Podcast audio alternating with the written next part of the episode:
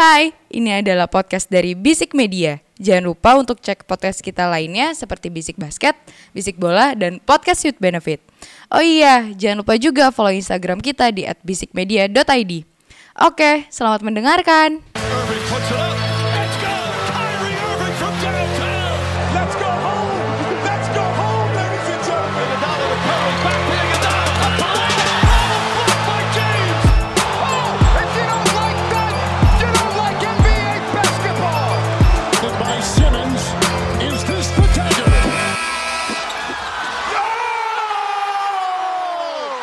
Episode 114 dari Bisik Basket Podcast putar basket NBA dan juga dalam negeri yang diulas secara santai sebagai pecandu basket. Candu-candu skater. ah. Ih, cering-cering kali 8. Hmm, aduh, aduh. Gak boleh Nggak boleh, gitu, nggak Pak. boleh, nggak boleh, nggak boleh. Boleh Jangan. brand. Ah, kalau mau ah. Oke, di hari Minggu sore yang Iya. agak sedikit berawan, agak mendung-mendung dan agak sejuk ya sih. Dan untungnya tidak hujan. Betul, karena Jumat kemarin hujan deras banget. Wah, parah, Cuk. Di Jakarta Parah, ya, di Jabodetabek khususnya. Jabodetabek udah bener-bener BSD sampai terendam. Oh, kemarin ke BSD. Tolnya kan terendam tuh. Oh iya. Gue buka di Jakarta Info, Oh, boleh iya. kalau misal mau placement, Iya, ya. iya, iya. Kayaknya Jakarta Info gak butuh kita deh. Ya. Kita yang butuh mereka. ya. Oke, seperti biasa dipandu sama gua di Masyoda Eke Dimsu dan Todai udah ada, suaranya Ramzi Alam Eke Duzi Eke Komeng Eke RMJ Eke Jontor Jeger Jeger Jeger. Boom, boom, boom. Ramzi ya. Kenapa sih? Kenapa jadi sih? Gini, jadi gini gini. Iya, iya, gini. iya, Ramzi iya, ini gua kan baru ketemu, gua kan udah kita udah jarang ketemu ya. Sebenarnya Iya, kita ketek kan eh, seminggu, ketemu minggu seminggu kemarin. sekali lah ya. Mm. Dulu kan hampir tiga kali, empat kali mungkin karena kesibukan Mm, juga. kesibukan udah masuk. WFO juga, Ramzi Betul. juga kerjanya syuting mulu ya kan. Ah. Parah. Nah, gue baru kaget nih, gue baru sampai studio Bisik Media. Asik, nih, asik, asik, asik, ya asik. Kan? Hmm. Ramzi potongannya ya kalau tadi gue bilang ada Ramzi ya, Ramzi tuh kayak Genji ya, iya. Ini lebih kayak skrilek tapi sekelek jatuhnya. Sekele, Sekelek. Se- seketek berarti Seketek. ya. Emang bau kayak belum mandi. Oke, kita masuk saja ke pembahasan episode 114. Um, Hmm. Mungkin sebenarnya ini reviewnya nggak terlalu banyak kali ya. Iya. Mungkin nggak nggak mostly nggak dalam game gitu. Mm-mm. Tapi kita nge-overview seberba- berbagai berita sepekan terakhir Ya, yang di mana ini menarik nih nih udah ngebahas apa eh, membahas eh pekan ini kita kayak ngomongin ini aja sih ada yang jadi Hall of Famer nih tapi Wih. statistiknya sih Iya. ini nggak Hall of Famer banget sebetulnya tidak ya. tidak ya setuju ini nih bukan Hall of Famer eh, apa karir statsnya itu nggak Hall of Famer banget itu Cuman mem- tapi Nah. tapi achievementnya dia Nah, itu dia. Sucok Meong bro Ah, itu dia. Meong. ada siapa sih siapa sih emang? ada bentar bentar bentar ada Emmanuel David Ginobili Makari namanya Makari cuk kayak ini Nadim. ya, startup Apa? ya kayak Kayak Nadim. startup Ah, iya. Nadim Makari. Makari. Makarin. Makari Nadim, juga mm-mm, bisa oke ya eh, seperti yang kalian semua mungkin udah tahu ya di beberapa platform eh, sosial media tentunya tentang terkait basket Hmm. Eh, Manu Ginobili eh, 2022 ini eh, ini ya, jadi Hall of Famer gitu Hmm.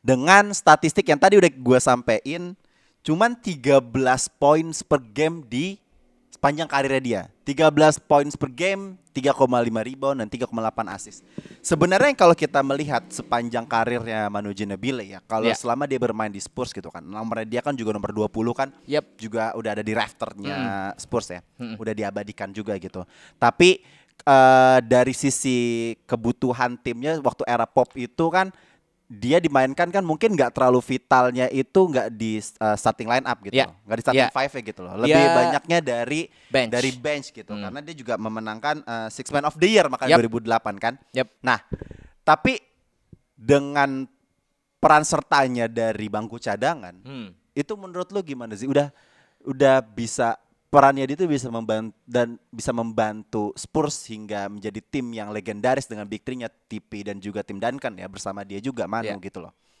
Ada ada hal yang menurut lu sebenarnya memang pantas gitu untuk dia untuk masuk sana gitu. Tapi kayaknya bisa bisa bisa bisa lebih lagi. Menurut lu gimana? Menurut gue In general. lebih gimana ya? Cara mainnya dia tuh beda gitu loh. Bener-bener eksplosif tapi classy. Jadi nggak sebenarnya kayak ya quite eksplosif juga, cuman nggak nggak melupakan apa ya estetikanya. Ka- Gua nggak tahu kayak lu tiap kali ngeliatin dia main gitu. Sebenarnya basic banget sebenarnya. Ya. Nggak fundamental banget. Bener-bener jadi emang gue ngerasa tiga pemain ini, Tipi, Tim Duncan, Duncan. sama Manu, Manu. itu bener-bener semuanya bermain fundamental aja gitu. Ya, Nggak ada yang ya, flashy-flashy banget gimana Ya. gitu. Cuman efektif dan juga menurut gua Ya. eh yang harus ada di Hall of Famer itu sebetulnya bukan masing-masing personalnya, tapi ya. ketiga mereka itu ya memang Hall of Famers Emang udah gitu. pantas di sana Iya, jadi ya. emang lu kalau misalnya lu ngomong eh, Tony Parker, lu nggak akan bisa lepas dari Tim Duncan. Tim Duncan dan Manu Ginobili. Ginobili, ya. Begitupun juga Ah. vice versa intinya. Kalau Ah. misalnya lu ngomongin Tim Duncan pasti lu ngomongin Manu Ginobili sama tim Tony Parker juga kayak gitu Hmm. Iya, lebih. iya, iya. Makanya eh ya as in dua ini sebelumnya udah masuk Hall of Famer dan menurut gua nggak salah kalau misalnya Manu Ginobili juga ikut ditaruh Iya, di situ iya, iya, di iya. posisi Walaupun dia itu. sebenarnya yang terakhir untuk masuk ke Iya. Hall of Fame Enshrinement ini ya. Iya. Eh, tapi kalau misalnya membahas di luar NBA juga gitu Hmm. Emang rekornya di Argentina pun dia juga salah satu pemain Yes. yang man ini udah legend banget gitu di timnas Argentina gitu loh. Yang mengingat kita terakhir itu mungkin mungkin peaknya adalah pas Argentina juara Olimpiade 2004 Mm-mm. di semifinal mengalahkan the best team in the world timnas USA. USA, gitu Yep. loh. Di sana waktu itu ada masih ada LeBron muda ya. Ya. Tapi tapi kalau misalnya gue melihat nge-recap dari game dari Olimpiade 2004 ya, emang Argentina tuh unbeatable sih. Maksudnya Hmm. Ya, saat kayak bener-bener tangguh banget gitu. Ada mas-mas itu ya rambut gondrong itu ya. Mas Luis Scola. Luis sekolah. Sampai yang di NBA, yang di NBA mungkin kita ngeliat oh dia pernah di sana kayak pernah di Houston, pernah di beberapa tim gitu. loh. sampai Tapi- sekarang belum pulang tuh masih sekolah. Bapak bapak kayak kita udah bener literty tuh udah jokes udah kayak begitu ya minum kopi ngerokok gitu. tapi kita masih sehat ngomongin basket main basket Hmm, olahraga gitu masih main. balik lagi jadi Hmm. menurut gua pas di Olimpiade 2004 itu emang peran sertanya Manu Ginobili di timnas Argentina tuh emang vital banget Yap. gitu loh. Jadinya menurut gua bisa ngambil emas dari USA itu pada tahun 2004 menurut gua itu wah banget sih. Iya balik lagi kayak omongan kita minggu kemarin ya Nah, di mana iya, di mana kayak apa pemain yang mungkin six man di franchise NBA Hmm. mungkin jadi pemain paling mentereng di negaranya. Betul sekali. Itulah hebohnya FIBA dan Olimpiade tuh ya kayak gitu kayak misalnya ya ini salah satu Manu Ginobili juga menurut, menurut gue salah satu ya kayak Ya. yang lain masih banyak banget coy Hmm, hmm. Di- siapa El Hadadi kemarin Ahmed El Hadadi. Hamed El Hadadi terus apa Arakji mungkin kalau yang dari Asia Tapi terus kan dia belum main di NBA kan. ya atau si ini Jordan Clarkson Iya. yang bener-bener apa combo sama kayu sotonya kayak udah kayak Ya. udah kayak sop Dominan control banget sih eh. kalau lu ngeliat Jordan Clarkson kemarin di FIBA. World Cup sih. terus juga Qualifier. apa ya pemain-pemain lain juga kayak Dennis Schroeder bahkan Ya. dan Neil Tice juga kayak gitu-gitu apa yang dari Australia Ton Maker bahkan Ton yang udah Maker. hilang Ton udah hilang Yang statistiknya tuh 2 points per game di Eh, eh. Milwaukee tapi aja dominan banget di dominan Australia. banget di Australia Della Vedova. Della Vedova juga Favorit lo. Mm, Ben Simmons mungkin kalau misalnya udah main ya beresin dulu lah mentalnya gitu lah. iya itu pokoknya ya, Tapi poinnya adalah Mm-mm. poinnya adalah ya kalau misalnya kita lihat balik lagi ke timnas ya menurut menurut gua dia sangat bahaya gitu ya karena ya balik lagi mentalitinya apalagi mentality from the bench itu ya itu yang lebih berat daripada mentality kalau lu dari starting line up gitu loh Mm. Kayak Karena gitu. gue seneng gini sih, sih. maksudnya Hmm. gini, eh, pemain-pemain yang ada di NBA gitu Hmm. loh, yang bermain di, untuk negaranya ke- di luar USA gitu ya. Hmm. Ini tuh emang pemain-pemain yang di build up as a mentality-nya juga bagus. Mm.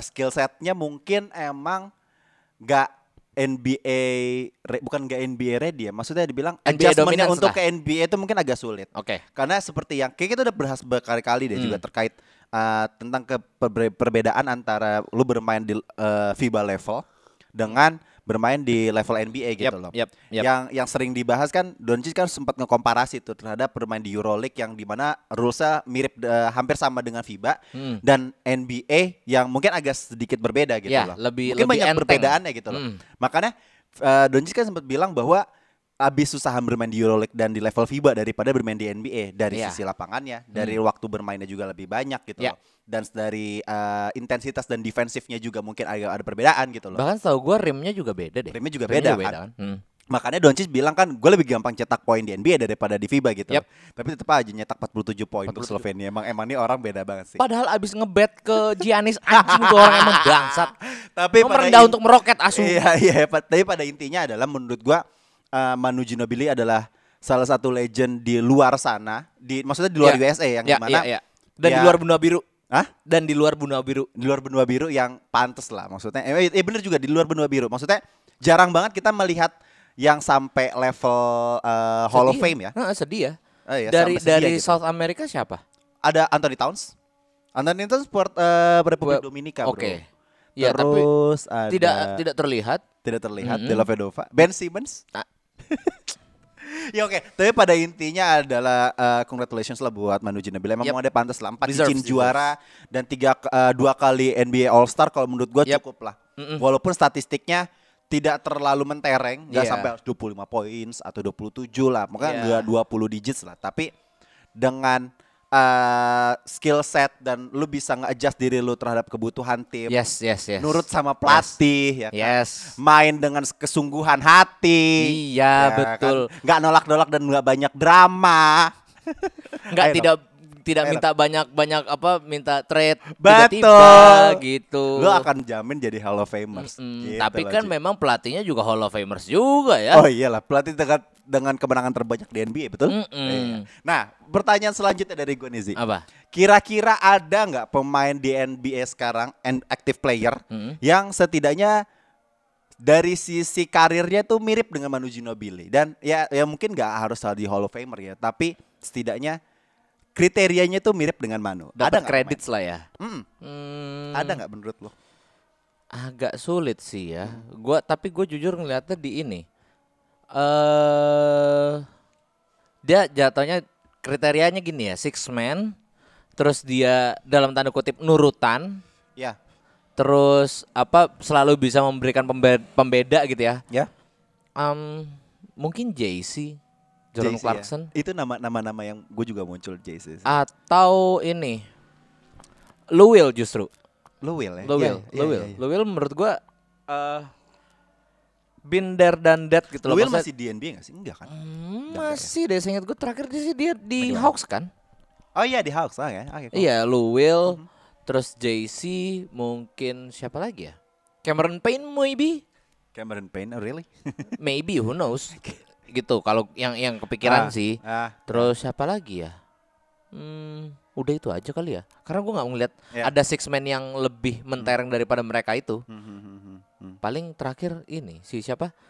Six man of the year kemarin siapa sih? Tyler Hero. Nah iya dia dia juga mungkin, dia juga mungkin. Tapi ya masih masih panjang ya perjalanannya ya. Ya, ya, ya, ya, ya. Gitu. Nah, kalau kalau gue gue pribadi ngeliatnya Tyler Hero ya. Ya. Karena dia kan masih muda gitu. Hmm. Dari sisi main- dari dari coming from the bench juga gitu. Yap. loh. Walaupun waktu awal-awal dia mungkin lebih banyak bermain di starting line up, tapi Hmm. mungkin kegeser-kegeser ya ya jadi Dan six ternyata man gitu. dan ternyata mentalnya lebih kuat untuk jadi six man gitu Iya loh. gitu. Nah, tapi kalau gue pribadi tadi nama-nama seperti JC dan Lowell sebenarnya udah cukup jadi kriteria pemain Hall of Famer gitu loh. Mm. Tapi kan nggak hanya sekedar lu dari bench terus kemudian memberikan statistik yang impactful ke terhadap tim lu gitu loh. Hmm. Tapi kan setidaknya harus ada cincin, Bos. Ya. Untuk menjadi juara, Dan- Bos. Dan satu lagi sih kalau kalau buat Lowell tuh beratnya kenapa? Karena dia pindah-pindah tim. ya, Meanwhile Manu stick to the team, ya. eh loyal. Dan menurut gua eh, kriteria utamanya loyal sih. Ya, ya, ya. Nggak mungkin dong tiba-tiba aku masukin Luol Deng Loyal. atau Loyal ya, loyal. Carlos Nah, Boozer. oke, kalau misalnya eh, parameternya kita geser dengan statistik yang biasa aja dan kemudian deng- dengan eh, achievement yang udah eh, pemain tersebut raih Hmm. di NBA, Hmm. siapa nama lo yang muncul untuk lo? Apa sih gimana gimana gimana? J- tadi kan coming from the bench Heeh. yang posisinya dengan sama dengan Manu Hmm, Ginobili hmm, gitu loh. hmm, Maksudnya Ya. secara kriteria mungkin kita ngesampingkan gaya bermain dulu ya. Ya. Misalnya dengan ke- kesampingkan gaya bermain dan kepatuhan dia terhadap eh, terhadap arahan pelatih gitu. Ya, oke. Tapi kita geser dengan parameternya mungkin statistiknya biasa aja. Ini kan tadi kan udah gue sampaikan bahwa Manu Ginobili kan statistiknya 13 poin per game, cuma 3 ribu 3 assist gitu loh. Ya. Statistik yang so-so itu, Hmm. tapi lu bisa menjadi Hall of Famer gitu loh. Nah, sekiranya pemain tersebut yang dengan statistik biasa aja tapi achievementnya udah wah, siapa nama yang menurut lo yang bisa menjadi seperti Manu Ginobili dengan mungkin jadi Hall of Famer gitu. Nggak nggak harus di luar USA. Ya masa Patrick Mekau sih? Cincin ada, statistik biasa. Pemain terakhir yang dapat repeat. Di luar big sudah, sudah, sudah, siapa ya? Hmm. Oh, gua tahu. Hmm. Andre Iguodala. Ah. Andre Iguodala. Andre sih. Iguodala ya. Dia gue selalu gue selalu percaya karena dia dia juga apa ya bisa memberikan sesuatu ke timnya walaupun Hmm. mungkin dia beberapa kali pindah tim tapi menurut gua zaman zamannya dia di Denver, zaman zamannya dia di Warriors terak yang sebelum terakhir ini ya. Jam, itu sebenarnya zaman-zaman di waktu di Sixer awal-awal juga sebenarnya iya gila itu gila banget dan maybe ada satu lagi mungkin J.R. Smith. JR. JR. Sejujurnya menurut gua Ya. karena menurut gua Ya. awal-awal dia eksplosif Ya, ya, banget ya. dan statistiknya biasa aja, tapi cincinnya banyak, Ya. Ya. ya kan? Mhm. Bapak mau bilang si, si Draymond Green. Lihat statistiknya 8 points per game. I mean 8 points per game. Oke, tapi tapi kalau kalau dia 4 rebound 3 assist. Jadi kalau menurut gua dengan statistik kayak gitu lu udah jadi 4 kali juara NBA dan 2 medali emas dari tim USA. Dan udah juga- lah, ini orang Hall of Famer gitu loh. Dan juga loyal Walaupun sih. dengan iya loyal, loyal. Walaupun dengan segala keberisikan yang dia buat. Hall of Podcast memang. Oke, kita geser se- kita eh, geser sedikit. Kita akan membahas juga eh, pemain di luar Amerika juga. gue mau kredit satu lagi sih Siapa, buat Draymond siapa? Green. Ayo, Buat Draymond siapa, Green satu siapa? lagi, satu lagi. Siapa? Dia triple double tanpa poin. Iya. itu juga itu itu. sulit sih. Jujur itu sulit. Sebenarnya ada sih David Robinson, cuman kayak ya udah. Ya udahlah. mm-mm. Ya udah. Oke. Jadi ini pemain yang sebenarnya kita udah sempat bahas, tapi Hmm. gue cuma singgung dikit sih di episode ya. kemarin gue inget Ya. banget tentang Danilo Gallinari yang kemarin kan abis uh, season ending injury, Mm, torn mm. ACL. Oke. Nah terakhir dia itu kan kondisinya adalah uh, musim kemarin dia dari Atlanta Hawks, Hmm. kemudian di trade Di, di trade. ke San Antonio Spurs dengan trade-nya Dejounte Murray ya. Mm, Terus abis itu San Antonio Spurs kondisinya adalah nge-wave dia. ya. Nah, Oke. gak lama kemudian kondisinya Dia eh, ambil. dia tuh dengan ngambil eh, desain oleh Celtics kalau nggak salah dua tahun untuk 13 juta ya. Gua agak Ya, lupa oke. eh, secara eh, persisnya Hmm. kontraknya seperti apa. Mm. Namun karena injury ini, Hmm. gue membaca berita bahwa kayaknya ada kemungkinan lagi untuk Celtics menukar dia. Nah, kira-kira nih menurut lo Celtics akan menggeserkan menggeser dia karena kan kita tahu nih Celtics Hmm. momentumnya lagi bagus banget Iya. kemarin kan abis ke NBA Finals kan. Nah momentumnya mereka udah ada dengan segala pemain yang mungkin akan lebih matang lagi musim depan. Ya. Mungkin nggak akan terjadi trade untuk Gallinari atau mungkin mereka akan menambah pemain lagi atau mungkin aja kayak Langsung di wave aja si gitu tiba-tiba. di hold dulu biar eh, si siapa Celtics bisa ngesign pemain lagi. Menurut lo kayak gimana deh? Eh, sebenarnya kita sebenarnya tadi udah ngobrol di sebelum podcast ini ya. Yap. Kayak lu kepikirannya ya lu bahas dulu deh strategi lu menurut lu. Mhm. Gue juga soalnya ada kepikiran juga mungkin Hmm. eh dia akan ditahan di Celtics. Sup, eh, tapi dia sisanya satu tahun doang ya? Satu tahun atau dua Satu tahun doang ya. Em, Sebenarnya gini, menurut gua Danilo Gallinari tuh stretch for yang cukup bagus, yang bisa memberikan poin dari bench juga, dan akan sangat disayangkan kalau misalnya eh, Celtics ngelepas dia sebenarnya. Ja- Tapi eh, concernnya adalah, ya karena ini season ending injury juga, jadi musim ini kayaknya bukan eh, waktunya dia, dan gua nggak yakin mereka akan ikutin sam ikutin suggestion gue ini ya. Mhm. Tapi gue menurut gue Danilo Gallinari akan stay di Celtics dan akan mempersiapkan untuk musim depan lebih baik lagi. Iya iya gitu. oke oke. Sebenarnya tadi sebelum podcast ini eh, kita take, sebenarnya tadi kita udah bahas Hmm, juga hmm, kan. hmm. Eh, ada kemungkinan bahwa eh, dari berita yang gue lihat di Fox News, Hmm. Fox Sports itu bilang bahwa kemungkinan akan ada pertukaran lagi Hmm. dengan Utah Jazz. Yang di mana kan kita semua tahu ya bahwa Iya. Utah Jazz kan mereka Iya. lagi rebuild kan. Lagi rebuild, Nah, mampus. dengan gaji Nah. 2 tahun dengan gaji 2 tahunnya 13 juta dari Gali dari, dari Danilo Gallinari ini Hmm. menurut gua akan sangat uh, bijak. bijak lah kalau misalnya Utah Jazz ngambil karena mungkin uh, ini bisa menguntungkan Utah Jazz juga karena mereka kan rebuild mereka udah nggak ada tujuan sama sekali di musim Iya. depan mungkin gitu loh Iya. nggak nggak ada tujuan untuk seambisius beberapa musim Untuk terakhir. kompetitif lah, untuk being untuk kompetitif buat musim ini gitu loh. enggak. Mereka udah sangat terlihat untuk menjadi tim yang akan rebuild gitu loh. Iya. Nah, sedangkan Celtics sendiri mereka akan menjaga momentumnya mereka di, seperti musim kemarin. Hmm. Yang yang di mana menjadi tim yang lebih kompetitif yang di mana mungkin wilayah timur akan semakin mengerikan banget ya kan. banget sih. Nah, makanya Parah. Makanya kalau menurut gua mungkin eh, Celtics akan mengambil beberapa aset yang sisa dimiliki oleh Utah Jazz, mungkin seperti Bogdanovic atau mungkin Iya. Mike Conley atau juga JC kan. Itu kan JC. pemain-pemain yang Wah. menurut menurut kita semua kan itu pemain-pemain sebenarnya belum habis cuman Iya, ya emang iya, iya, iya, emang iya, mungkin iya. bisa ngisi dari eh, role-nya Wah, si iya lagi. Gitu loh Iya, iya, pemain-pemain iya, iya. yang dari wingman yang yang sh- shootingnya bagus dan juga dari sisi gaji masih affordable ibaratnya kan gitu Tapi gue nggak yakin sih Hmm. sejujurnya karena menurut gue guardnya di Oke Celtics kalau udah Mike Conley oke deh gitu. oke Mike Conley Iya. oke JC kan bisa bermain di dua atau tiga Bojan Bogdanovic bisa bermain di Nah tiga atau kalau empat. Bogdanovic oke masih makanya, oke. Makanya kan banyak skenario gitu loh. Yang penting kan setidaknya digeser dulu nih pemainnya gitu. Itu satu dari gue. Atau Iya. yang kedua ngambil veteran player.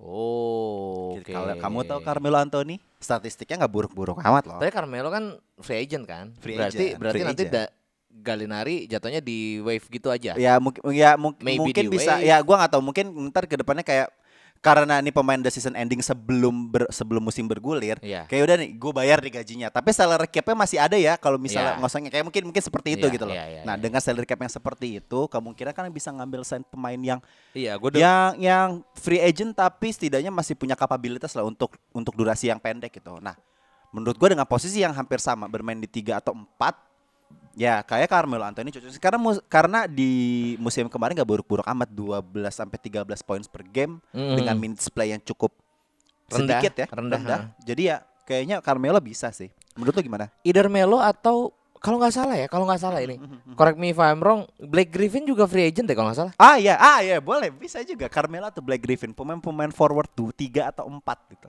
Iya sih, bisa sih, bisa sih.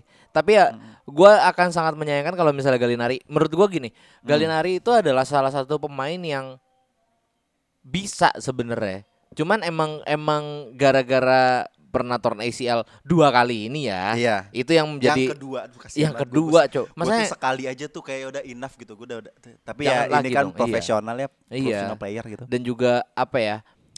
Gua nggak ngelihat dia cukup dia menurut gua sangat ngebantu Trae Young loh waktu di Ya, Hawks ya, banget ya. dan agak nggak dikasih kredit aja sih dia kayak Hmm. eh, spotlightnya terlalu ke Trae Young, terlalu ke siapa Collins, terus juga eh nggak center center andalan lu nggak? Enggak sebenarnya gini kalau misalnya kondisinya di waktu di house ya sebenarnya Galinari Hmm. itu spotlight kalau menurut gua memang memang mungkin ya pastinya nggak akan terlihat kan dengan ada Trae Young dan juga eh, si John Collins gitu loh. Iya. Nah tapi kan pemain yang ketiga atau keempatnya nih menurut gua Mm. juga dia juga nggak nggak nggak terlihat gitu loh. Tapi mau- ada ada Bok Bojan Bojan Bojan Bogdanovic. Bogdanovic yang yang, Iya. yang yang ini loh yang yang pendek. Iya, iya, Nah, iya, yang, iya. yang enggak enggak bukan yang Utah Jazz ya, bukan Iya. yang Utah Jazz, yang yang yang Atlanta Hawks gitu loh.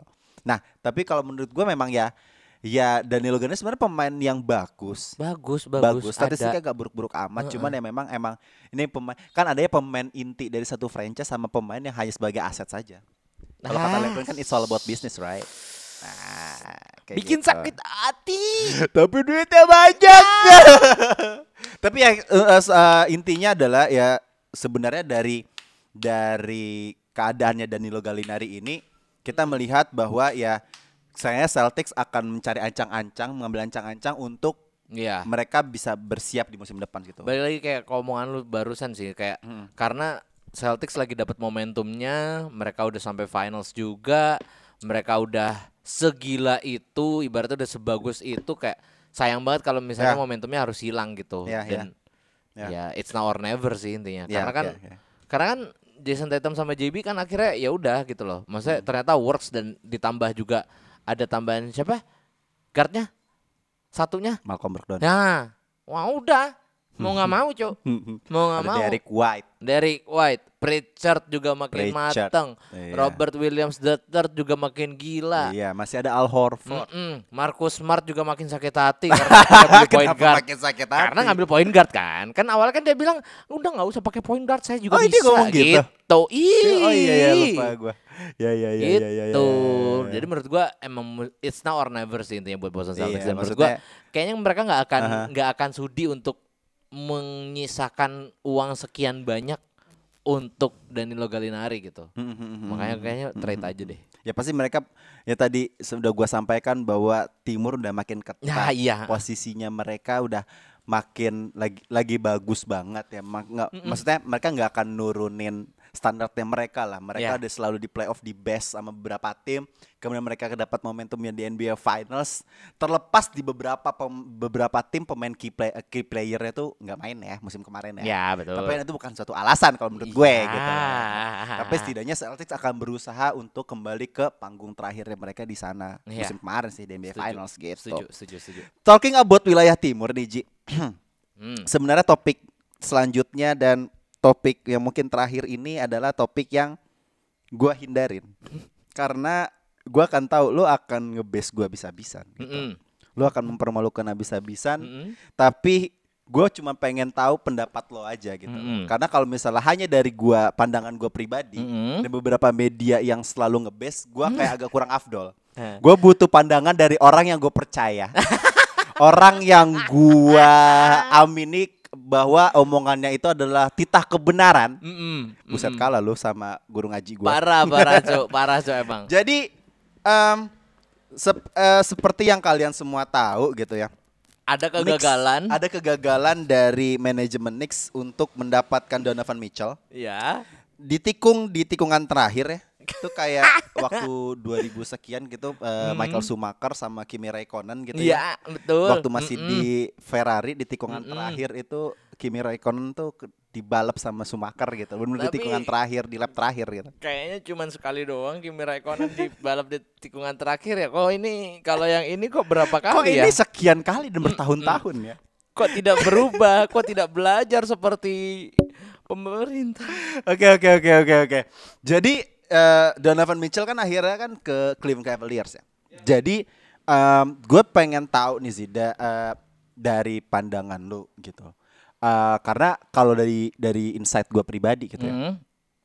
Knicks ini tanpa ada pemain All Star yang bener-bener eh, mumpuni as a scorer, menurut gue mereka akan aman-aman aja gitu loh. Ya. Uh, walaupun dengan kedatangannya Jalen Brunson gitu ya, uh, the rising young player gitu, walaupun belum jadi All Star All Star player gitu ya, belum masuk NBA All Star juga gitu loh. Tapi momentumnya itu di musim kemarin bersama Dallas cukup menjanjikan gitu. Oke. Nah, uh, sebenarnya gue berharap bahwa dengan beberapa aset yang dimiliki New York Knicks itu sebenarnya cukup lah untuk mendapatkan Donovan Mitchell. Hmm. Tapi terlepas itu semua kan tidak jadi gitu ya. Ya. Nah, jadi sedikit kece- kecewaan gitu loh. Heeh. Jadi gue berharap untuk op- optimisme pemain-pemain gue yang ada gitu ya di New Hmm. York Knicks gitu loh. Dengan adanya uh, Jalen Brunson tadi, RJ terus Barrett, kemudian juga RJ, Fournier. Julius Randle, uh, terus habis itu Mitchell Robinson, Emmanuel dan juga dengan di uh, player bench playernya juga ada Emmanuel Quickly, Obi Toppin, jangan lupakan D Rose juga gitu Yep. loh. Kalau gue merasa tim ini akan aman gitu loh, at least as an team playoff gitu. Tapi Eh. kalau menurut lo as a general, langkah eh, menurut lo next tim pujaan gua ini akan di mana?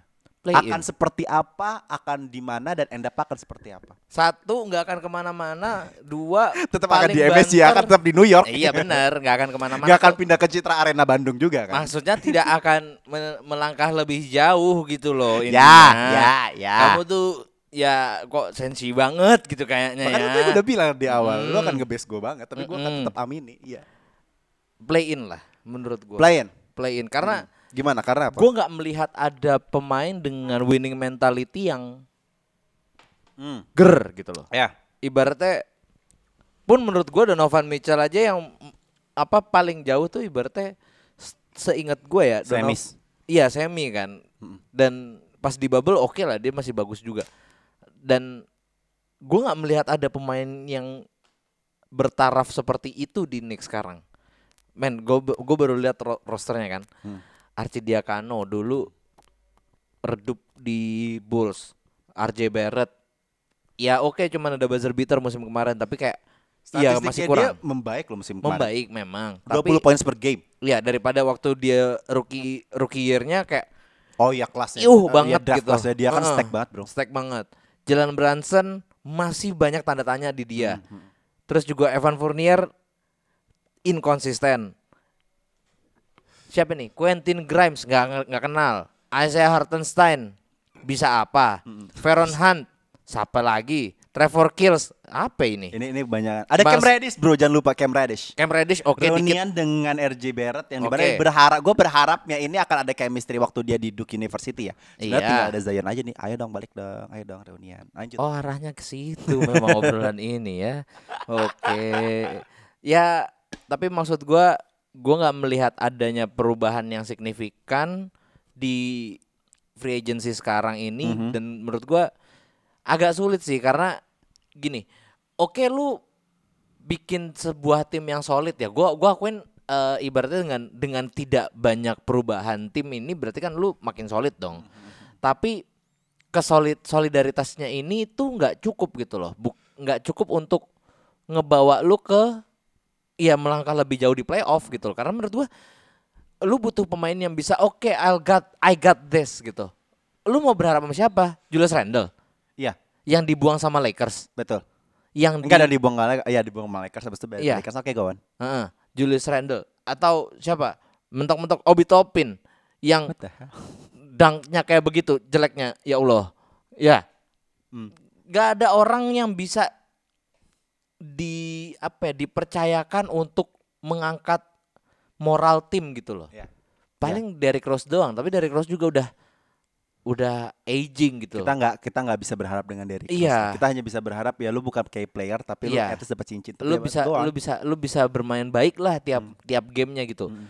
nggak ada yang kayak oke yang mungkin bisa mem- memberikan I don't know 25 points per game gue nggak melihat ada yang capabilitas nggak ada yang capable untuk melakukan hal tersebut Oke. gitu Eh, terima kasih Ramzi atas eh, harsh truth-nya. ya mm-mm. Bitter truth. Mm-mm. Tapi gue amini itu semua statistik yang yang tadi semua pandangan yang lu udah berikan Hmm. tuh benar gitu loh.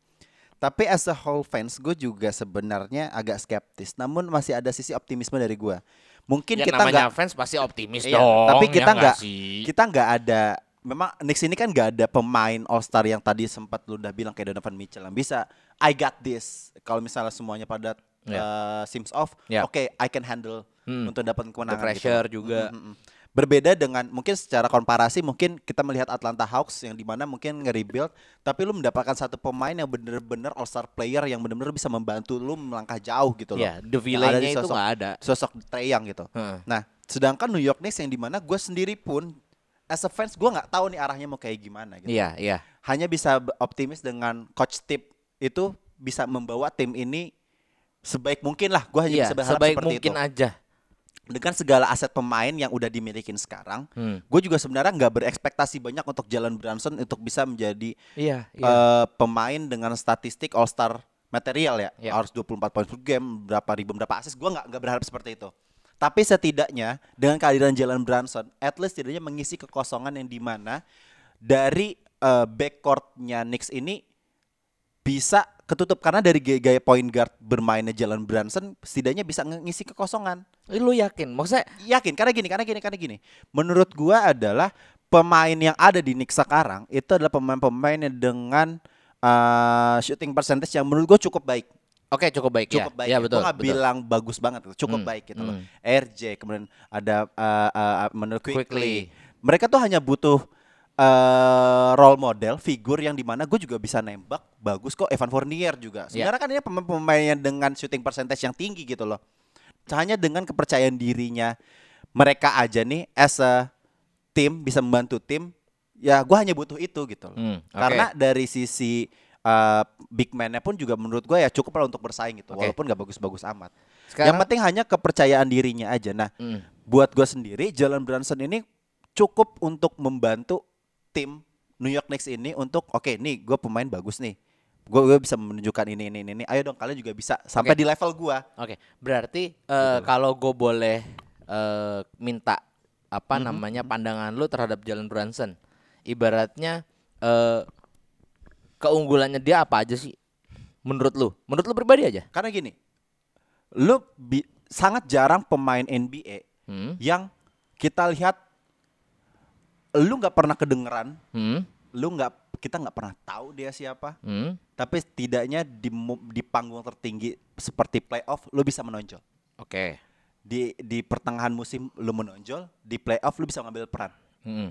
itu menunjukin bahwa kita udah pernah bahas juga kan ini adalah pemain dengan mentality yang sangat bagus gitu loh nah sekarang dengan lu pasti ya pasti kan dia starting five dong di New York Knicks kan pasti garansi lah nah dengan sosok mentalitas seperti itu setidaknya bisa nge-impress pemain-pemain di dalam New York Knicks Oke. untuk bisa bermain konsisten at least konsisten aja Ada kalau gue itu menurut gue gue punya kepercayaan diri untuk Jalen Brunson untuk nge-impress teman-temannya dalam satu tim itu sih Iya. Eh sebenarnya ketakutan gua adalah satu sebenarnya ketakutan gua adalah deja vu terhadap Kemba Walker. Mm. Karena menurut gua gaya mainnya sama, size-nya sama, kurang lebih mirip. Itu Setuju, satu. setuju. Dua, ada beberapa pemain yang nggak kuat di saat dia di apa memulai karir dari six man, Mm-mm. terus jadi ke starting line up, Mm-mm. malah cemen. Ya. Sebutlah kayak beberapa siapa ya? Contohnya ya, Em, Rubio, ya cemen. Ibaratnya pas pas udah jadi dia jadi apa ya garda terdepan yang Mm-mm. bener-bener Mm. u apa dari awal dia main Mm. dia cemen karena mentalnya justru dia lebih baik Ini untuk terlepas karena dia injury prone ya. iya. Ya kayak JC deh. Mhm. dan Luwil deh. Luwil tuh setahu gua dia tuh menolak kalau misalnya jadi eh apa dari starter. Justru dia nggak mau. Karena dia merasa gue lebih nyaman kalau misalnya jadi six man of six man. Ya.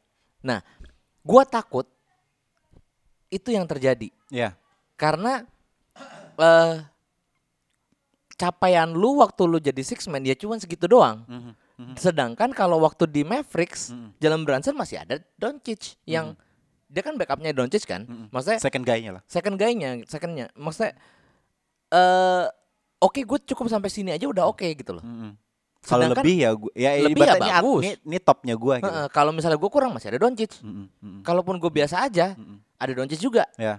Gue bagus, tetap ada Doncic juga gitu loh. Iya, iya, Ngerti iya, gak sih iya, maksud iya, gua? iya, nah iya. itu yang gua yang gua khawatirkan Iya. karena lu nggak ada nggak ada pemain yang ada di atas lu, Iya, iya. lu harus jadi pemain yang di atas. Iya. Lu kuat nggak gitu iya, buat iya, Jalen iya. Brunson? Se- Sebenarnya ya itu salah satu kekhawatirannya. Sebenarnya kekhawatiran gue juga selanjutnya adalah I don't know, ini New York New York Knicks ini banyak curse-nya ya, kayak banyak kutukannya gitu loh. Karena kalau melihat dari dari sepak terjangnya Knicks sendiri mengambil beberapa pemain yang di mana dulu tuh bagus banget gitu loh. Pas pindah ke sini, lu juga bagus, tapi kok lu kayak Off. off, menghilang gitu loh. Terlepas dari Hmm. Julius mungkin salah Randle satu contoh- mungkin Hah? masih bag Siapa? dulunya blow on Siapa? tapi sekarang jadi baik. Siapa? Julius Randle. Nah, Julius Randle salah satu contohnya. Waktu di Pelicans terakhir dia adalah menurut gua second guy-nya setelah Iya, iya, BI, iya. Ya. ya kan? Nah, setelah ke New York Knicks dia bagus lagi gitu loh. Waktu di beberapa musim terakhir gitu loh. Yep. Bagus. Kalau nggak salah dapat MIP juga, Most Improved Yes, Player kan. yes, yes, nah, yes. sekarang ke mana dia? Maksudnya kayak terlepas dari dia injury juga, tapi kayak lu sebenarnya bagus tapi nggak nggak nggak nggak bisa menunjukkan mentalitas lu yang yang lu lu pengen juara, lu pengen menang terus gitu loh. Kayak Menurut gitu gua loh. sih- makanya gue takutnya adalah Jalen Brunson akan menghadapi hal yang serupa, akan mendapatkan hal yang sama nih, patternnya kan sudah terlihat gitu loh. Coba ganti nama arenanya jangan MSG karena MSG kan katanya bikin goblok. Jadinya apa? Nggak tahu. Eh, ini eh, garam yodium arena. Biasa mereka sama-sama gurih. tapi maksud saya ya Apa gua sih anjing jokes tai banget. jadi lapar. Oke. eh gua melihatnya sih sebenarnya gini. Hmm. Bisa jadi lu ngambil blueprintnya. Nih ini ini worst case ya buat Hmm. eh, buat ke depan-depannya. Ya udah lu lu rebuild lagi bener-bener tapi rebuildnya yang bener gitu loh. Hmm. Rebuildnya menurut gua balik kayak waktu itu gue bilang yang terkait siapa sih? Boston ya? Oh Knicks, iya Knicks gue bilang maksudnya lu tuh rebuild tapi tanggung Iya.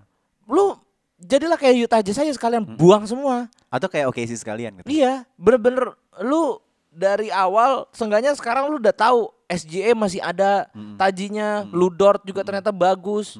Ya Pokusevski walaupun cungkring-cungkring bengak tapi ya lumayan gitu loh. Kayak gitu-gitu menurut gua ada kalanya lu harus turun merendah untuk meroket bener itu. Dan kayaknya emang harus kayak gitu sih. Tapi Zi, tapi Zi. Tadi tim yang dulu sebutin OKC, Hmm. Utah Jazz punya Mm-mm. perbedaan terhadap New York Knicks, Hmm? yaitu tim big market. Yang di mana? Emang New York Knicks enggak?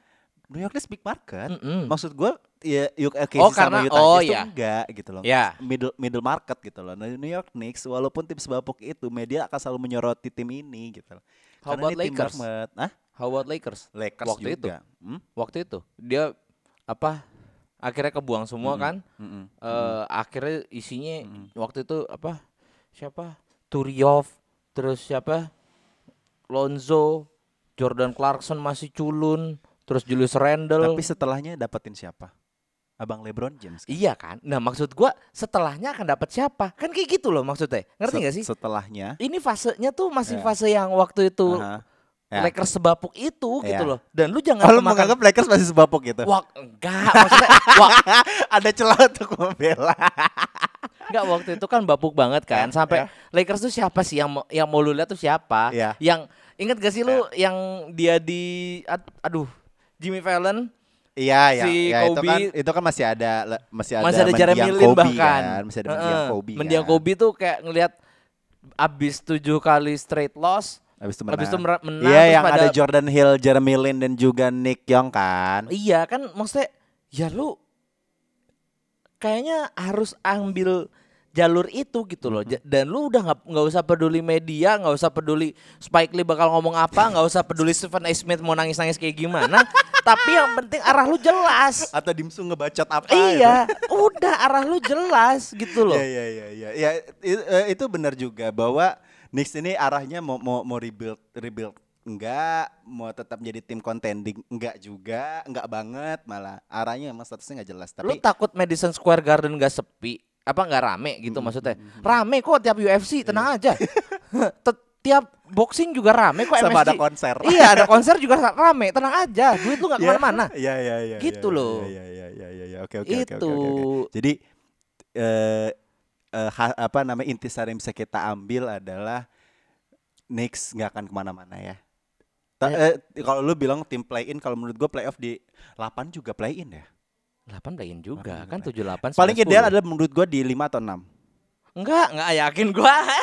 Ti- Enggak, Hey. ideal tertinggi, ideal tertinggi, Oke. batas atasnya. Batas atas Gua gua nggak tuh- akan yakin mereka di satu atau empat, nggak yakin gua. Batas atas gua tetap juga, di gue 7. juga walaupun ngefans, ngedukung, tapi gue realistis dan gak goblok. Batas atas gua masih di 7. Tujuh. 7. Gue enam, dia udah tipis lah. Emang Ya, realistis dan tapi- juga berandai-andai itu mah beda tipis. Ya tapi memang maksudnya nggak apa ya nggak seketat itu juga kan.